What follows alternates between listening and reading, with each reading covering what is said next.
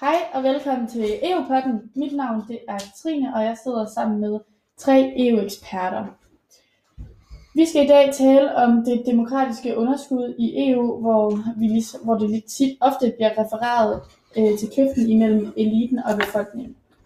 Hvordan det så er relevant i forhold til en højere national bølge og demokratikrise, vil Adrian lige komme lidt mere ind på, som er en af de tre eksperter, jeg har med. Ja, og det er jo et godt spørgsmål, det du kommer med der. Fordi essensen i et demokrati, det er, at borgerne de føler, at de har indflydelse, og de kan deltage i demokratiet. Og øh, EU, det er sådan et kæmpe koncept, eller øh, et område, som bare ligger rigtig fjernt for mange, øh, øh, øh, for mange af dem, der er i befolkningen i de forskellige nationalstater. Og jeg vil bare lige sende jer videre til min medekspert, Charlotte, som vil tale lidt videre omkring det her område. Ja, og ud fra det Adrian siger, så kan man jo snakke om tilkoblingen øh, mellem EU og befolkningen er blevet udhullet gennem de seneste årtier, hvor EU-integrationen har en stor part, da størstedelen af lovgivningen enten bliver direkte besluttet af EU gennem forordninger, eller bliver indirekte besluttet gennem direktiver. Altså så der er færre, der forstår de langsomme beslutninger, som EU tager, og derfor er, det, og derfor er det med til at skabe en større kløft mellem EU og befolkningen, hvilket giver følelsen af, at demokratiet undergraves. Og denne kløft mellem eliten og øh, befolkningen er også en af de store drivkræfter for det højere nationalis højere for de højere nationalistiske partiers vækst, hvilket risikerer, nej, jo, risikerer at forstørre, forstørrelse af krisen. Der er tale, øh, tale om nogle forskellige forhold, når man snakker om den her kløft. Øhm, Øh, og det første forhold er, øh, handler om de højre nationale partiers opbakning omkring demokratiet, hvilket de mener kun kan, kun kan opnås i nationalstaterne, og derfor ses EU som en fjende i et, optim, øh, i fjende i et optimalt demokrati. Altså, de prioriterer øh, øh, nationen som det første, og derefter det, demokratiet, og EU er derfor ikke et af de vigtigste punkter inden for, højre inden for de højre nationalistiske partier. Ja, og en anden grund til, at øh, den her højre nationale bølge øh, udgør en trussel mod demokratiet i EU, øh, hænger altså sammen med populismen. Og populismen den øh, hænger op sammen med partier og bevægelser, som går ind for at høre folkets stemme, og derfor går de ofte mod den politiske elite. Øh, af den grund så forsimpler de også politiske problemstillinger og bruger stærkt følelsesladede argumenter, hvilket er med til at underminere øh, demokratiet i EU.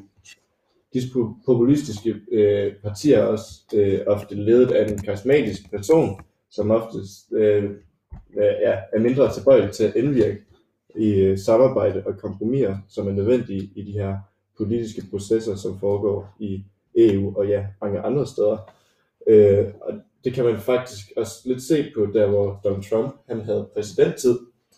Øh, og her øh, forstod vi jo, at han lavede en masse ting, øh, især omkring øh, øh, indvandrere i USA, øh, bygge en mur for eksempel, og smide en masse ud, og han fik da også gjort en lille smule, men han fik ikke øh, udført ret meget, der, fordi han, altså, han havde ikke rigtig nogen samarbejdsvilje. Jamen, øhm, for lige at springe lidt videre fra øhm, grundene til det her, så har vi også en artikel, EU-kommissær, demokratiets krise forsvinder ikke efter Trump, hvor de især taler om hvordan tech-giganterne de har kontrol over den demokratiske debat, hvilket øh, er med til at skabe distance mellem eliten og befolkningen. Hvor øh, Adrian også taler om Donald Trump i forbindelse med hans øh, ekstreme øh, brug af tech-giganter og derfor skabe holdninger øh, øh, ja, i USA, som er meget ekstreme. Øh, så tænker jeg på, om Lasse, vores sidste EU-ekspert, øh, kan udtale sig lidt om det. Det kan jeg da sagtens. Vi så de her meget voldsomme hændelser tilbage i januar i USA, som tydeligt var med til at vise, hvor skrøbeligt et øh, demokrati er i en digital tidsalder. Derfor så bør der i ikke bare EU, men også hele verden være klare regler for de her tech-giganter, som medvirker til styrkelsen af den demokratiske, øh, som kan være med til at, og, øh, at medvirke øh, en, en styrkelse af den demokratiske deltagelse.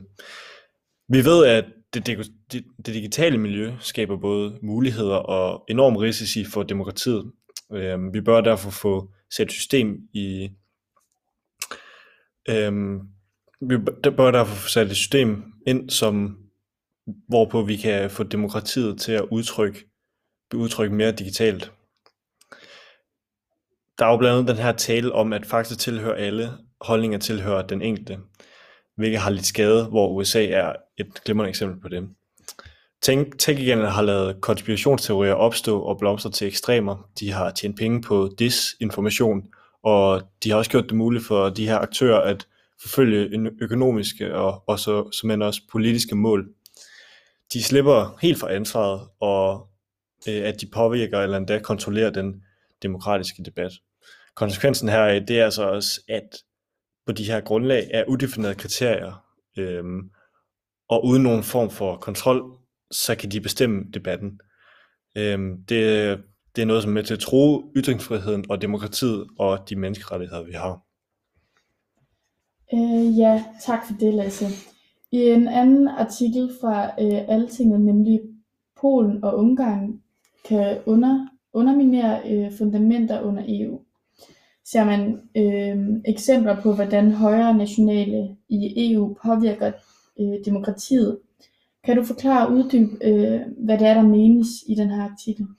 Ja, altså selvom vi i EU jo har et indbefattende demokrati, så er der nogle lande, som er med til at modstride det demokrati, som bliver, øh, som vi har. Det er blandt andet Polen og Ungarn, øh, som begge er medlemslande i, i EU og fører en gennemtrækkende højre nationalistisk politik, hvor der er en stor del andel af de lovgivninger, som er med til at modstride mange af de demokratiske principper, vi har dermed så skal man jo i EU lade være med at kigge gennem fingrene med nogle af de udemokratiske love, såsom øh, de LGBTQ-fri zoner, man har i Polen, som er et tydeligt tegn på, at de europæiske domstole ikke udviser den uafhængighed, som de har, og bliver påvirket af folk for eksempel fra den højre nationalistiske partier fra blandt andet Polen og Ungarn, øh, hvilket er med til at modstride øh, de retsstatsprincipper, som som vi har, og vigtigheden i det, øh, som på mange måder er nøgleprincipperne i at føre en stærk demokratisk politik for alle lande i EU. Ja, jamen tusind tak for de her øh, fine besvarelser af vores spørgsmål. Øh, jeg siger tak for i dag. Selv tak. Og på gensyn.